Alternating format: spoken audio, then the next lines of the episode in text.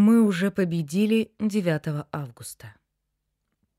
Это видео, как и организованные сверху митинги «Ебатик», тайная инаугурация и регулярные обещания Лукашенко, что протесты завершатся уже завтра, что на практике находило подкрепление во все новых изощренных репрессиях, стали дополнительным мотивом мирных выступлений граждан Беларуси.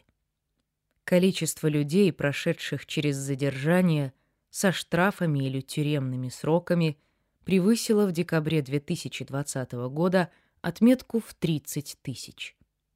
Только в течение сентября представителями спецслужб МВД за участие в демонстрациях протеста было задержано более трех с половиной тысяч человек. Из них не менее 2700 были помещены в изоляторы. Несмотря на репрессии, к выступающим против режима присоединялись все новые группы. 1 сентября начались выступления, марши, цепочки солидарности, различные акции студентов и преподавателей в ряде вузов Минска и других городов. 5 октября в Минске прошел первый марш мудрости людей старшего возраста, которые затем выходили каждый понедельник вплоть до конца декабря. Силовики разгоняли их светошумовыми гранатами, брали в окружение и увозили в РУВД. 15 октября на марш людей с неограниченными возможностями вышли люди с инвалидностью. Их марши также стали регулярными на несколько месяцев.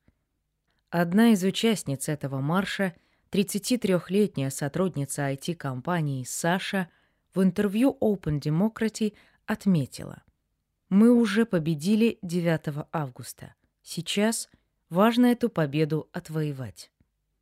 Эта мысль была достаточно распространенной и многократно повторялась и разными участниками протестов и экспертами.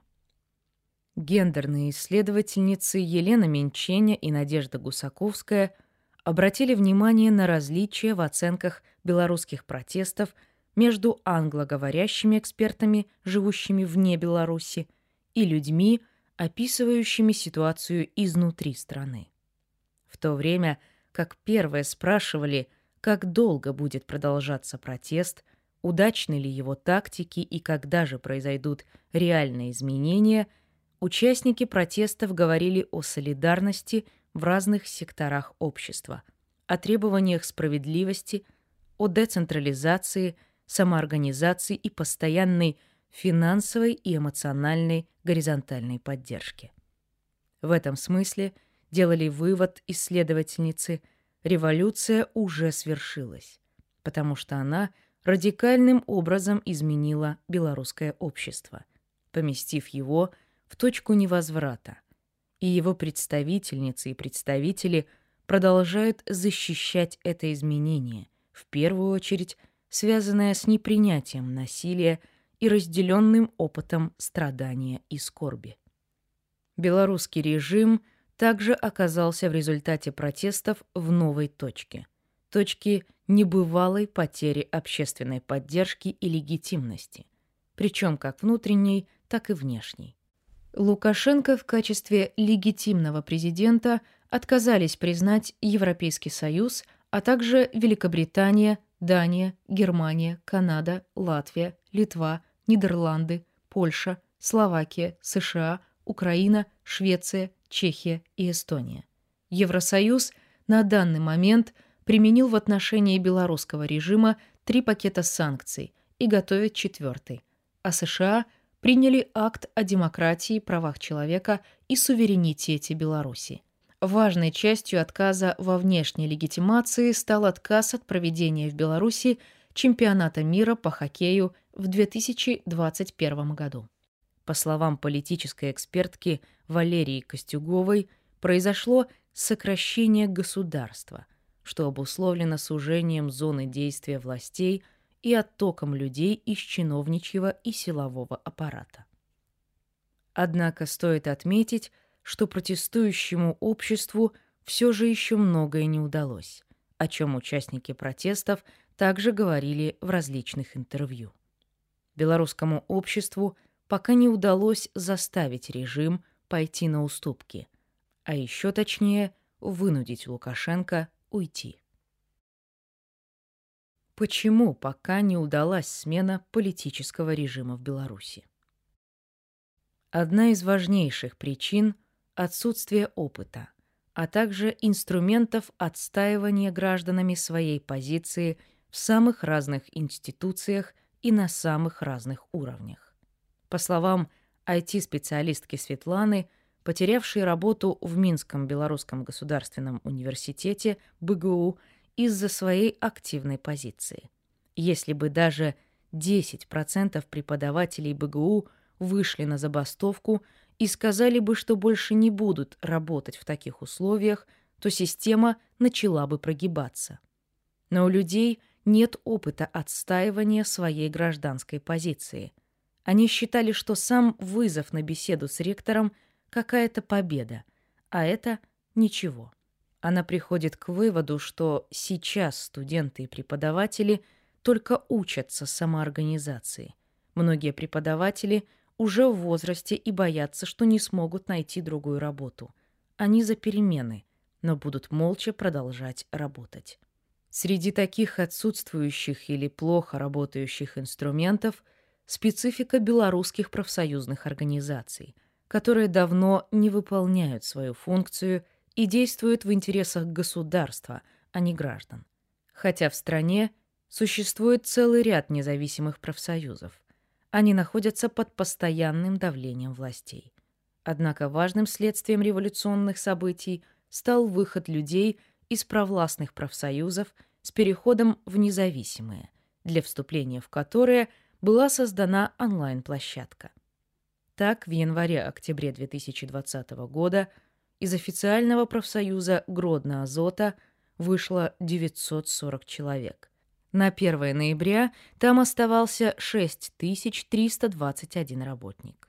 При этом количество членов независимого профсоюза этого предприятия выросло в 20 раз и достигло 400 человек. К концу октября 2020 года на платформе «Профсоюз онлайн» было создано 25 первичных профсоюзных организаций. Среди них Минская городская первичная профсоюзная организация сотрудников здравоохранения «Белые халаты», заявки в которую подали тысяча человек. Правда, это только начало тех изменений, которые принесут свои плоды в будущем и помогут гражданам Беларуси коллективно артикулировать и отстаивать свои интересы. Условия для решающего перелома ситуации сложились в первые 2-3 недели после выборов. Однако момент был упущен. Прежде всего, потому что режиму удалось с одной стороны заболтать, а с другой – запугать значительную часть протестующих граждан. Свидетельством того, что мы находимся только в начале пути к новым солидарным формам борьбы за свои права – является и провал общенациональной забастовки, объявленной Светланой Тихановской на 26 октября 2020 года. Член Координационного совета, бывший рабочий МТЗ Сергей Делевский объясняет провал забастовок тотальным страхом потерять работу и полной неизвестностью, что будет дальше. В большей степени это касается старшего поколения рабочих. Делевский также отмечает, что трудовые коллективы расколоты. Это во многом обусловлено разрывом в представлениях разных поколений рабочих. В целом, эти ответы позволяют не только сделать вывод о том, что в белорусском обществе до выборов 2020 года не хватало горизонтальных связей и их инструментализации, но и о том, насколько сложно бороться за демократию в стране, где нет места политическому выражению разных интересов, а гражданское общество находится в подавленном состоянии. Потому что именно изнутри активных политических процессов и гражданского общества предлагаются возможные сценарии общественного развития, которые и могут стать альтернативой столь пугающей неизвестности. Еще одним упущением мирного протеста – является недооценка вопросов безопасности. Она была обусловлена как недопониманием высокой степени репрессивности белорусского авторитарного режима, так и элементарным недостатком обеспечивающих безопасность знаний и навыков. Словами Джудит Батлер, повседневной практики осторожности, сопровождающей хрупкость живых существ. Эта недооценка связана также с постоянным сомнением некоторых групп белорусского общества, пусть и остающихся в меньшинстве, что действовать нужно именно мирными средствами. В этом смысле нам, по всей видимости, еще предстоит разобраться с тем, что мирный протест — это не просто тактика, но и этос. Именно он превращает мирный протест в содержательную альтернативу, без которой белорусское общество рискует после смены власти остаться в силках авторитарного устройства. Противоядием ему является критика не только самых разных форм насилия, начиная с домашнего, но и дискурса милитаризма, все еще достаточно популярного в белорусском обществе. Задача — культивировать антагонизм. И все же, несмотря на слабость гражданского общества, а также политических партий и движений, как и малую вовлеченность граждан Беларуси до выборов 2020 года в общественные организации и инициативы, именно представители общественных организаций и культурных инициатив, независимых партий и движений стали важнейшими посредниками революционного процесса в Беларуси. Мария Колесникова – вышла из независимой культурной среды. Сергей Тихановский занимался независимой журналистикой. Целый ряд представителей различных партий, как, например, Ольга Ковалькова, оказывали поддержку новым политическим лидерам. Представители общественных организаций и культурных инициатив, а также самые разные активистки и активисты вместе с представителями бизнеса и IT-сферы – организовывали фонды поддержки, координировали работу волонтеров и наблюдателей в судах, готовили арт-высказывания, акции протеста и многое другое. Использование информационных технологий играло и продолжает играть здесь отдельную и особую роль, обеспечивая это посредничество незаменимыми инструментами горизонтальной командной работы, также важными для будущего. Все это не отменяет того, что главной движущей силой белорусской революции было и остается само белорусское общество, во всем разнообразии его групп, представители которых учились и продолжают учиться солидаризации, взаимопомощи и демократическим процедурам на ходу. Слова белорусской политологини Натальи Василевич – это не какая-то отдельная политическая сила – не отдельная группа людей, а народ. Протесты, которые мы наблюдаем, не просто массовые, а тотальные. В многочисленных интервью участницы и участники протестов говорили, что им не нужны лидеры, они справляются сами. Это оказалось возможным в том числе благодаря тому, что они отодвинули свои ценностные различия на задний план, потому что на переднем плане – оказались важнейшие, объединяющие все общество требования – прекратить насилие, расследовать связанные с ним преступления, освободить всех политзаключенных и провести новые выборы. Это, однако, не отменяет того, что в определенный момент эти различия дадут о себе знать.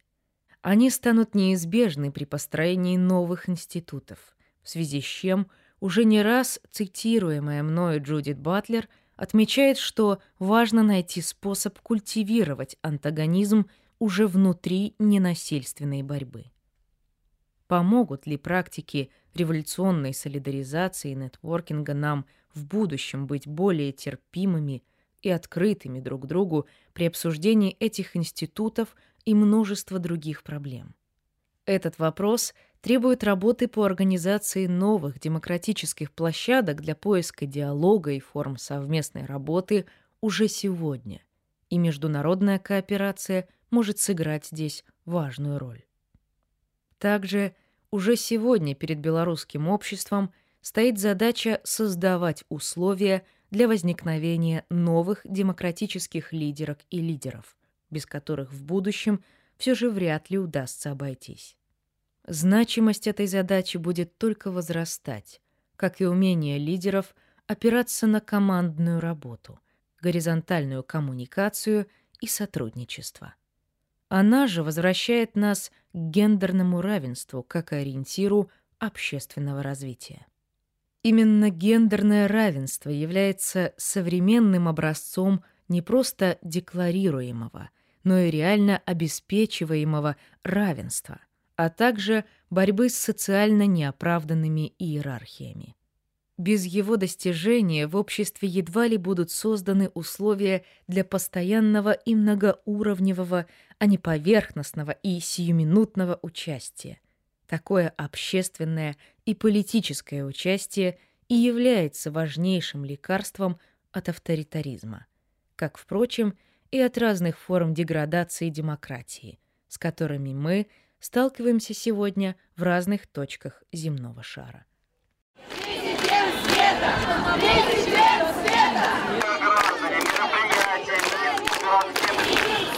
Света!